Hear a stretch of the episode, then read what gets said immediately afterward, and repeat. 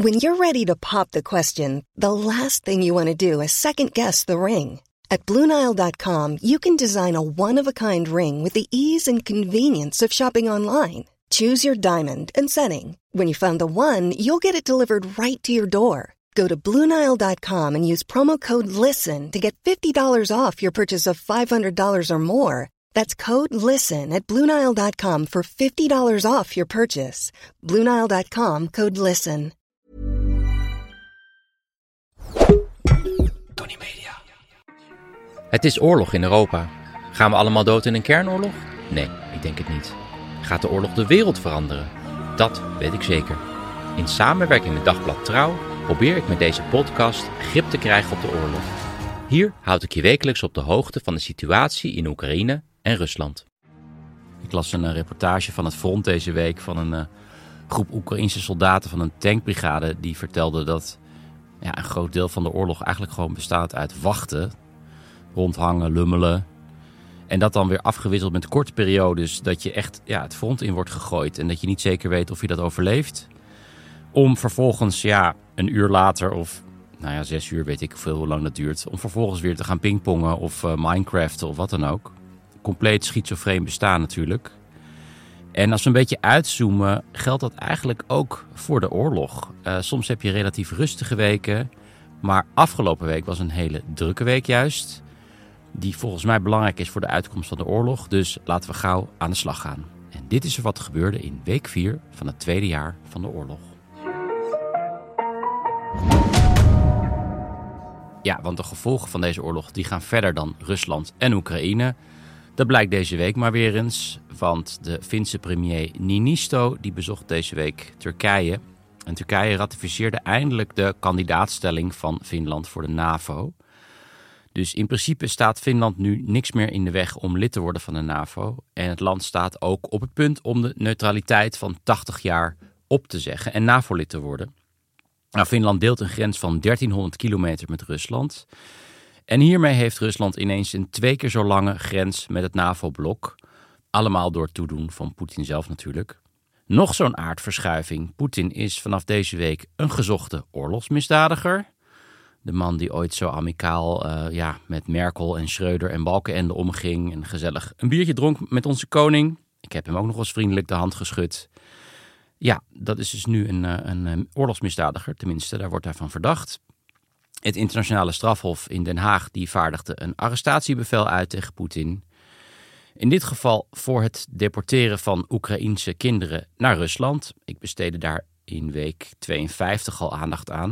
En het is eigenlijk best wel een slimme zet om helemaal in te zoomen op die deportaties. Want die zijn goed gedocumenteerd en de rol van Poetin is helemaal kristalhelder. Want zo'n deportatie is een duidelijke schending van de Conventie van Genève. Nou ja, dat arrestatiebevel heeft natuurlijk invloed op de status van Poetin als wereldleider. Wat daar dan nog van over was in ieder geval. Bijvoorbeeld eh, Macron, die tot voor kort nog wel eens belde met het Kremlin, die zal het wel nu niet in zijn hoofd halen om contact te gaan zoeken met een uh, vermeende oorlogsmisdadiger. En ook de bewegingsvrijheid van Poetin wordt nog kleiner.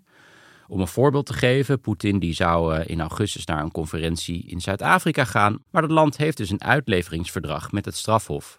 Dus Poetin zou dan in principe uitgeleverd kunnen worden. En dan zou hij inderdaad Lady Gaga worden, want dat is zijn bijnaam sinds vorige week. Op de Russische telegramkanalen in ieder geval. Gaga is de Russische naam voor de stad Den Haag, vandaar. Nou ja, natuurlijk leidde dat arrestatiebevel tot woede bij veel Russen. Uh, bijvoorbeeld bij Medvedev, die ooit de belofte was van de grote hervormer toen hij president werd. Die dreigde met een, uh, ja, natuurlijk gelijk met het uh, gooien van een atoombom op Gaga. Vanaf dan een schip in de Noordzee. Dat vond ik wel een grappig specifiek detail erbij. Het is trouwens opvallend dat alleen Medvedev af en toe nog dreigt met de atoombom. En Poetin daar een beetje mee is gestopt. Waarschijnlijk ook onder druk van China. Over het bezoek van de Chinese president Xi aan Moskou heb ik het later trouwens nog in de podcast. Ja, intussen gaat de oorlog natuurlijk ook gewoon door. Uh, de oorlog zit in een overgangsfase. Op het eerste gezicht lijkt Rusland zijn offensief uit te breiden. Naast Bakhmut wordt er nu ook flink bij Avdiivka gevochten in de buurt van uh, Donetsk stad. De stad die in handen is van de Russen. En het is gevaarlijk als de Russen daarbij Avdiivka doorbreken, want in tegenstelling tot Bakhmut ligt er achter Avdiivka echt vlak land. Dus zouden de Russen ook snel door kunnen stoten naar het westen. Maar ja, er zijn ook steeds meer tekenen van dat dit eigenlijk het laatste wanhoopsoffensief van de Russen is. En dat de Russen eigenlijk een beetje hun hoogtepunt hebben bereikt.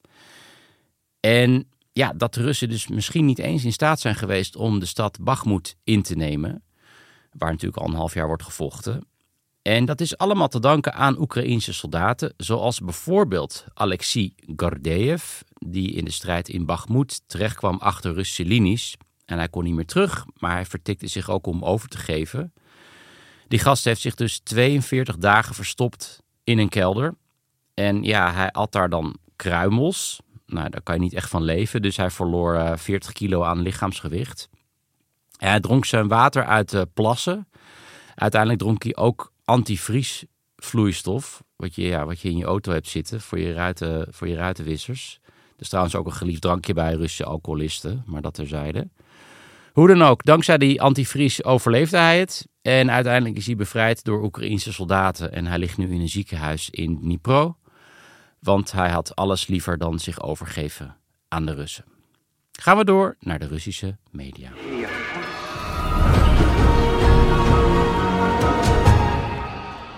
De vraag is wel hoe lang die moreel van de Oekraïners nog zo hoog blijft. Want ja, de eerste barsten zijn te zien in het Oekraïense leger dat lijkt te bestaan uit een soort van onverwoestbare superhelden. Ja, dat willen de Oekraïners natuurlijk graag uitstralen naar het Westen, maar dat ligt natuurlijk genuanceerder. En dat blijkt ook wel uit een interview dat een Oekraïense officier gaf aan de krant Washington Post. Officier met de nom de guerre Koepel, betekent gewoon koepel. Um, die gaf hier verleiding aan de 46e brigade. En om de een of andere reden glipte deze man door de militaire censuur van de Oekraïners, die nogal uh, strikt is. En in dit stuk heeft hij het over de moraal van het Oekraïense leger, die volgens hem aan het verslechteren is, vooral door grote verliezen bij Bakhmut. En hij heeft ook over dat ja, lang verwachte tegenoffensief van de Oekraïners, dat in de lente zou gaan gebeuren. En over dat tegenoffensief zegt hij: Ik geloof niet in een groot tegenoffensief. Ik zou het heel graag willen, maar ik kijk naar onze middelen en zeg dan met wat. Nou ja, buitengewoon kritisch interview dus. En die man is na het interview gelijk ontslagen. En hij is een populaire officier. En zijn soldaten die posten ja, heel veel videoboodschappen waarin ze duidelijk maken dat ze hem terug willen. Maar het is de vraag of dat gaat lukken. En ja, deze hele actie kan ook even goed een soort van deceptie zijn van de Oekraïners om de Russen in verwarring te brengen. Maar dit bericht staat echt niet op zichzelf. Er zijn steeds meer berichten van Oekraïnse soldaten die zich afvragen of die strijd in Bakhmut het eigenlijk allemaal wel waard is. In de Russische media ondertussen veel aandacht voor Poetin, die een bezoek bracht aan de door de Russen bezette stad Mariupol. Het zag er allemaal een beetje uit als een haastklus. Um, hij maakte die trip ook een dag na het arrestatiebevel van het strafhof. Dus ja, waarschijnlijk was het een soort van afleidingsmanoeuvre. Er zijn ook veel minder gelikte beelden dan normaal. En het is ook de eerste keer dat Poetin in bezet gebied was, los van de Krim dan, waar hij wel vaker is. En het was duidelijk dat hij ook zo snel mogelijk weg wilde. Hij bracht echt een paar haastige bezoekjes. Echt bizar, ook om drie uur s'nachts trouwens. En door die knullige beelden dachten veel mensen dat dit niet Poetin was, maar zijn dubbelganger. Dus sowieso een hele populaire theorie bij veel mensen. En ja, hoewel het niet onmogelijk is dat Poetin een dubbelganger heeft, leek deze man volgens mij gewoon ja, toch wel op Poetin. Veel mensen wezen op één beeld waar Poetin een andere kin heeft. Maar ja, hij kijkt daar gewoon een beetje omlaag en hij heeft een soort onderkin die je normaal niet ziet.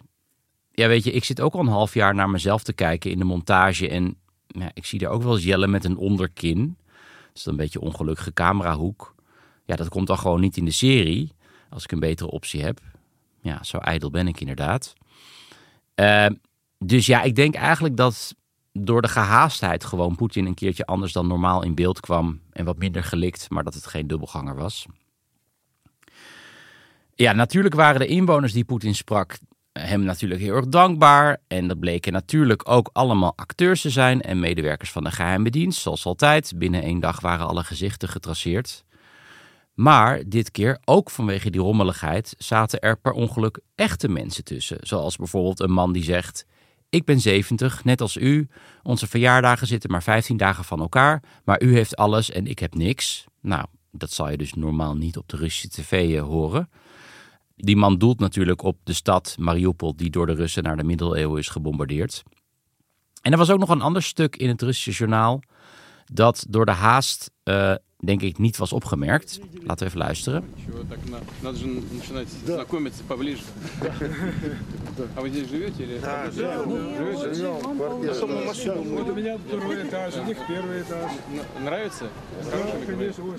Ja, wat ze hier zeggen is, dit is allemaal niet waar, dit is een show. En dat deed me een beetje denken aan ja, die scène uit The Truman Show. Als die actrice met Truman op het strand staat en hem eindelijk de waarheid vertelt dat alles nep is. Nou ja, dat fragment was te zien op de officiële site van het Kremlin. Is ook al overgenomen door allemaal Russische media. Maar al gauw was de regisseur van de Russische Truman Show dit opgevallen en had een stukje eruit geknipt. Overigens is deze vrouw vooral boos dat de stad in puin is geschoten. Niet wat er nou per se met de Oekraïners daar is gebeurd. Ze refereert waarschijnlijk ook aan de slechte kwaliteit van de flats die voor de show snel zijn neergezet met allemaal hele bizarre constructiefouten. Ik besteedde daar in week 49 al aandacht aan. Hoe dan ook, dit filmpje ging natuurlijk viral op de Telegram-kanalen. En ja, het zijn dit soort barsten in het nepnarratief van het Kremlin die zo belangrijk zijn in deze oorlog. En die worden gedaan door natuurlijk hele dappere mensen. Denk ook trouwens aan Marina Avsyanikova. Die aan het begin van de oorlog, kan je vast wel herinneren, een anti-oorlogsposter vasthield in de studio van het journaal. Helaas zal de meeste kijkers niet zijn opgevallen. Die horen Poetin alleen maar zeggen als hij door de stad rijdt: Wat een mooi stoplicht. Zegt de oorlogsmisdadiger, rijdend door een plat gebombardeerde stad. Een stad waar ontelbaar veel oorlogsmisdaden plaats hebben gevonden. Ja, een soort van Bucha tot de derde macht.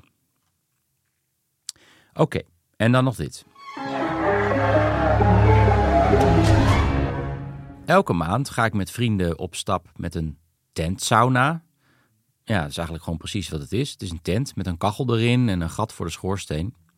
Je moet echt flink stoken, anders uh, wordt het niet warm, want die tent die isoleert natuurlijk helemaal niet. Maar het voordeel is wel dat je hem overal neer kan zetten waar je wil. Bijvoorbeeld ja, ergens uh, aan een meertje of op het strand. Voor een feestje heb ik hem ook wel eens op het dak van uh, ons huis gezet. Super handig. Ja, en die tent die is afkomstig uit Siberië. Op de tentzak staat ook Made in Russia. En dit label Made in Russia is echt een grote uitzondering. In de praktijk worden niet zoveel dingen gemaakt in Rusland. Nou ja, er worden daar wel dingen gemaakt, maar dat zijn dan lada's die uit elkaar vallen, maar in ieder geval niet spullen die mensen willen hebben. Even ter herinnering, de economie van Rusland is net zo groot als die van de Benelux. Eigenlijk het enige wat Rusland heeft zijn grondstoffen, gas, olie, mineralen, hout. En dat zit vooral allemaal in Siberië.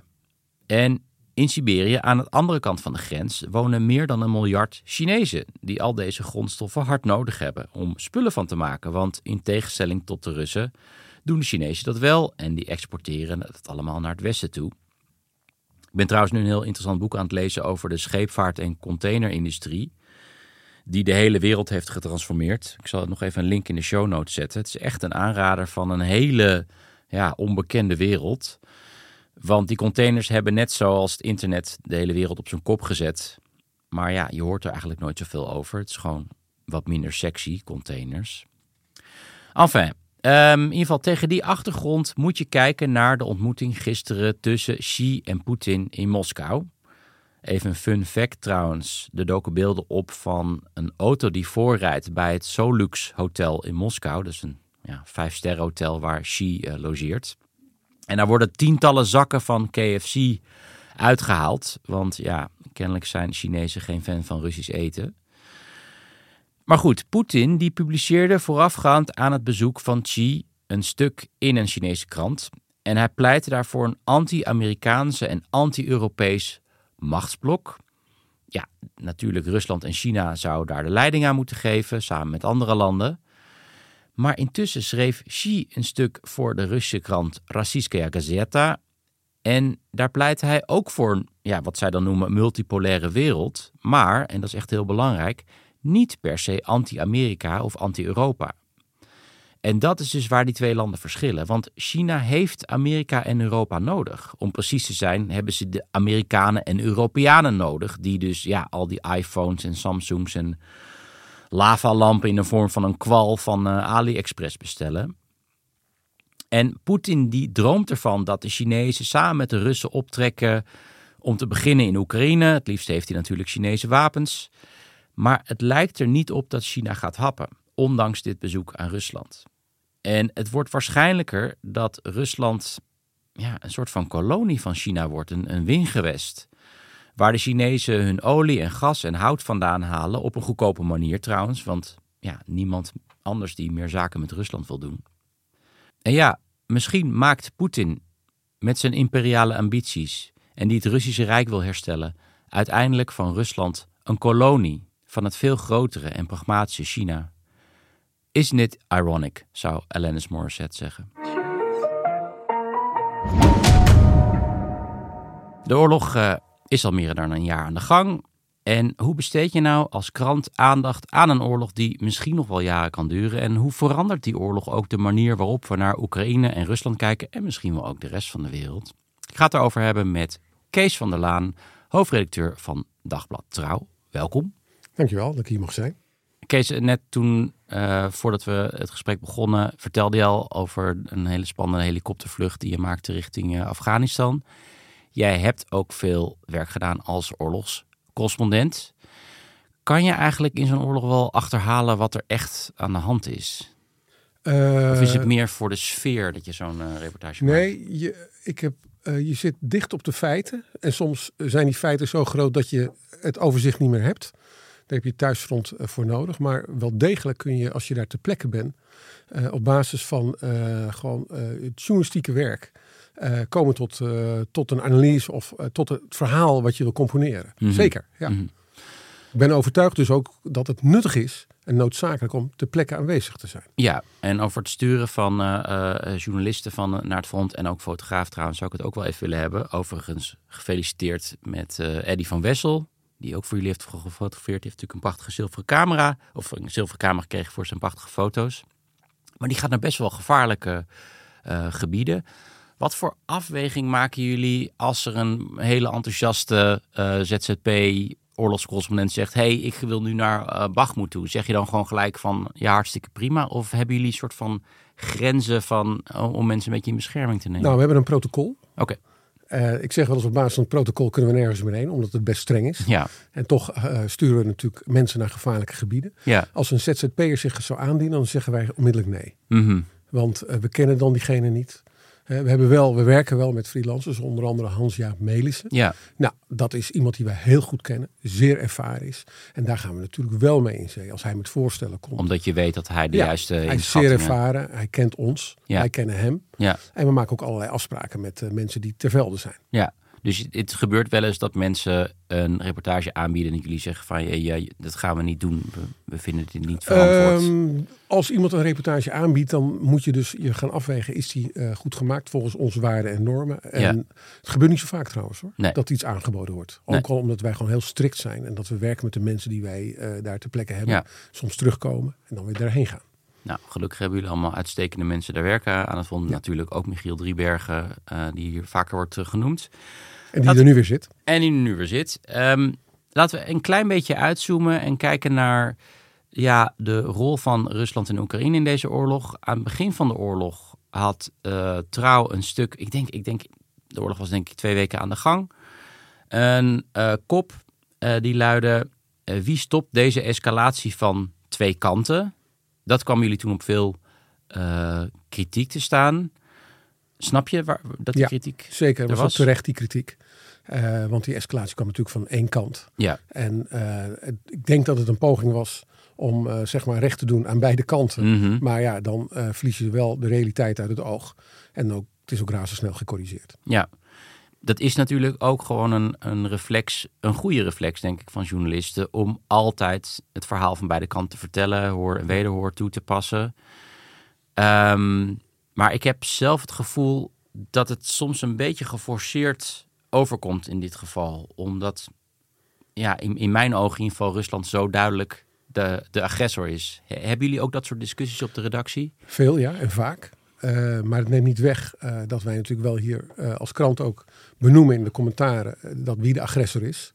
Hè? Eh, wij spreken ook over een oorlog, niet over een operatie. Ja. Eh, Oekraïne, soeverein land, is gewoon aangevallen. Mhm. En daarbij benoemen we dus ook eh, wie dat land aanvalt, Rusland. Ja. Het Rusland van Poetin. Ja. Ja, maar die discussies hebben we.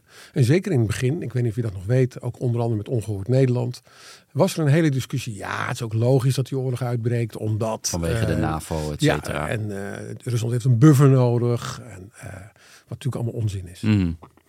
Sommige kanten gaan ook al een stap eh, verder. Eh, uit mijn hoofd is dat volgens mij de NRC en ik weet in ieder geval van de NOS dat die ook bijvoorbeeld de naamgeving veranderen van bepaalde plaatsnamen. Eh, Kiev, ik, heette vroeger, werd vroeger Kiev genoemd en nu gebruiken ze de term Kiev en ze gebruiken meer Oekraïns plaatsnamen. Jullie hebben er volgens mij voorlopig voor gekozen om dat nog niet te doen. Nee, we hebben het recent aangepast. Oh, neem me niet kwalijk. Ja, we Dan, hebben het recent eh, aangepast. Dan, En, maar ik snap die discussie wel. Ja. Ehm, maar ook in die discussie over de namen, ja, dan heb je ook te maken met je plaatsbepaling. Waar Ja. sta je dan? ja, Nou, en eh, er was een discussie. Kiev, eh, Kiev bestond eigenlijk al als naam voordat eh, het, het Russisch, heb ik begrepen van Welmoed Boersma. Mhm, mhm. Ook wel eens hier geweest. ja, En eh, zij is ook slavist. ja. Dus we hebben die discussies gehad. En we hebben een eh, tijdje terug hebben eh, uiteindelijk, wij zijn volgend hierin. ja. We lopen niet voorop. eh, hebben wij besloten om de naam aan te passen. Oh, Dus Kharkiv nu. En sinds, sinds een paar, Eh, sinds een maand. een maand. Oké. ja. Mijn excuses. Dan, eh, dan eh, zitten jullie, eh, jullie zijn jullie al helemaal overstag. Ehm, verder hebben jullie momenteel natuurlijk, of natuurlijk, sommige kanten hebben dat wel, maar jullie hebben een, een correspondent van Moskou. Die zit mo- momenteel in Georgië. Denk jij dat het een probleem is om niemand op dit moment in Moskou te hebben? Om, ja, we hadden het net over hoor en wederhoor, om ook daar te kijken hoe, dat, hoe het ervoor staat. Ja, vind ik wel. Ik vind het jammer dat we er nu niet kunnen zijn. Ja. Jaron zit in Tbilisi, Ja, hoofdstad van Georgië. En hij krijgt geen visum om in te reizen in eh, Rusland. Dat was wel ons idee om hem daar te stationeren. ja. We dachten, dat dacht hij zelf ook, dan krijg je sneller een visum, want daar zit een groot eh, visumcentrum van eh, Rusland. Maar tot op heden is dat nog niet gebeurd. Dus hij wil wel graag naar ja, Moskou. Ja, zeker. zeker ja, ja. En hij is ook geweest. Hè. Hij is ook eerder daar geweest. En had ook een heel protocol voor. En heeft ook nog mensen op straat gesproken. Het is juist heel belangrijk om ook die kant, de, de, de Russische kant, op een, eh, proberen op een bepaalde manier toch te belichten. Ja. Er kan heel veel vanuit, eh, vanaf het bureau, zoals wij dat zeggen, of vanuit Tbilisi. Mhm. Maar je wil natuurlijk ook van binnenuit Rusland wil je de verhalen lezen. Ja. Denk je dat ehm, aan de andere kant het misschien ook wel verfrissend is dat jullie correspondent een keer Tbilisi als standplaats heeft en dat misschien, en ik spreek ook gewoon namens mezelf, dat we misschien te veel gefocust zijn geweest op dat Moskou en dat Rusland, terwijl die omliggende landen werd al- ja, altijd een beetje erbij genomen of zo, maar de hoofdzaak was Moskou. Nou ja, zeker. Ja. ja, dat is wel. Ik ben zelf daar ook diverse malen geweest in Georgië.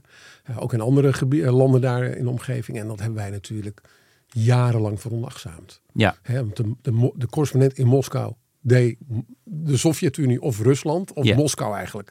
En de rest, dat werd wel incidenteel gedaan als er iets aan de hand was, een aardbeving of iets. Of je ging dan één of twee keer per jaar naar een bepaald buitengebied. Mhm. En dat was het. Mhm. En eigenlijk was mijn eigen conclusie al eh, na het uitbreken van de burgeroorlog op de Balkan, dat we Oost-Europa en Centraal-Europa niet goed kenden. Dus eh, in die zin is het ook wel goed dat we daar nu ook zitten. ja, eh, met meer correspondenten, om juist ook Oost-Europa. En ook de Russische eh, geschiedenis en de Russische mentaliteit ook, en ook de Georgische mentaliteit ook beter te leren kennen. ja, En ook snappen waar eh, verzet of juist empathie van, eh, vandaan komt. Ja. Georgië is een ingewikkeld land. Hè? Het, het, het stemt eigenlijk een beetje pro-Russisch de Ja. laatste tijd, maar de houding is wel weer pro-Europa. daar ook wat. Ja, ja, de spanningen lopen natuurlijk op in, in Georgië. Wat dat betreft is het natuurlijk heel goed dat, eh, dat Jaron daar, daar zit. Overigens, volgens mij, Michiel Driebergen, die, die was volgens mij ook al voor de invasie ook al correspondent in Oekraïne. Dus wat dat betreft Ja, zijn jullie klopt. wel we zijn er altijd geweest. Hij ging er ook Echt een regelmatig aparte naartoe. correspondent, Zeker. los Ja. van Moskou. Ja. Ja. Eh, dat zeker. Dus wij hebben altijd wel het belang gezien van die regio. Ik ga er ook persoonlijk eh, voor de oorlog ging ik wel ook steeds die kant op. Ja, te Moldavië ben je toch geweest? Moldavië, Ja. Azerbeidzjan, eh, Armenië, Georgië, eh, Roemenië. Ik heb al die landen wel bezocht, juist ook om die cultuur te proeven en, eh, en de- met de mensen te praten. En een beetje te snappen wat er gebeurt. Ja, goed. Jij hebt best wel feeling met, eh, met Oost-Europa. De lezers misschien niet. Eh, die oorlog is intussen al een jaar aan de gang. Heb je al het gevoel dat er een soort van oorlogsmoeheid optreedt bij lezers? Al, ja, ik weet niet of je dat kan meten op een of andere manier, maar dat je dat terugkrijgt. Eh, als ik afga op eh, hoe eh, de stukken gelezen worden online, niet. Alles wat te maken heeft met die oorlog of over Poetin wordt ontzettend goed gelezen. Nog steeds. Ja. Oh, wat Ja. goed. Ja, er is veel aandacht voor die oorlog. Ook omdat natuurlijk mensen het raakt. En mensen zien ook dat het niet al te ver van ons vandaan is. We worden natuurlijk ook persoonlijk geraakt hè, door de energieprijzen, door eh, de inflatie en noem maar op. Allemaal ingewikkeldheden. Dus mensen zien ook wel het verband tussen wat daar gebeurt en hier gebeurt. Hm. En men ziet ook duidelijk wel natuurlijk wie de agressor is. Dus van oorlogsmoeheid is... eh, Zeker is, niet, eh, maar je moet niet uitsluiten dat het uiteindelijk wel gaat gebeuren. Eh, en dat men wel de grotere dingen gaat volgen, maar niet meer eh, zeg maar de kleinere ontwikkelingen. Ja, Dat zeker. Ja. Maar ik, ik zie niet op dit moment bij onze lezers oorlogsmoeheid. gelukkig. Dat stelt mij gerust. Kees van der Laan, hoofdredacteur van Trouw. Dankjewel voor het gesprek. Dit was het voor deze week. Je doet me een groot plezier door een recensie van de podcast achter te laten in je eh, podcast-app. Hierdoor is deze podcast nog beter vindbaar. Verder zoeken we nog adverteerders. Geïnteresseerde bedrijven kunnen een mailtje sturen naar adverteren.tonnymedia.nl. Tony is met een Y. En verder is zondag alweer de vierde aflevering van Langs de Nieuwe Zijderoute. Dit keer gaan Ruben Terlouw en ik op bezoek in Kazachstan. In die, ja, een land dat een beetje geklemd zit tussen de twee grootmachten Rusland en China. Super actueel dus. Een land ook met een grote Russisch-talige minderheid. En de angst is dat daar ook zich ja, een soort Donbass-achtige nachtmerrie zal eh, voltrekken. Je ziet het allemaal op NPO 2 zondag om tien voor half negen. En ik ben hier weer volgende week. Tot dan.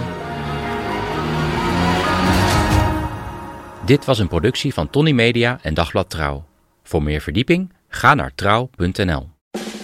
We made USAA insurance to help you save. Take advantage of discounts when you cover your home and your ride. Discover how we're helping members save at USAA.com/bundle.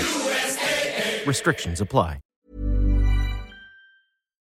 Ik heb geen idee waar je naar geluisterd hebt, maar misschien een goede tip om nog meer tijd te vermorsen. Luister eens een keer naar de Snopcast, waarin ik, Jort Kelder en mijn goede vriend Ivo van Rechteren Altena alles bespreken wat het leven draaglijk maakt zonder enig praktisch nut. Met uiterst overbodige snobjecten als ja, een machientje om je tandpasta uit te rollen, een ski natuurlijk van Bentley of een Kashmir springtouw. Jazeker, de Snopcast, omdat je het waard bent.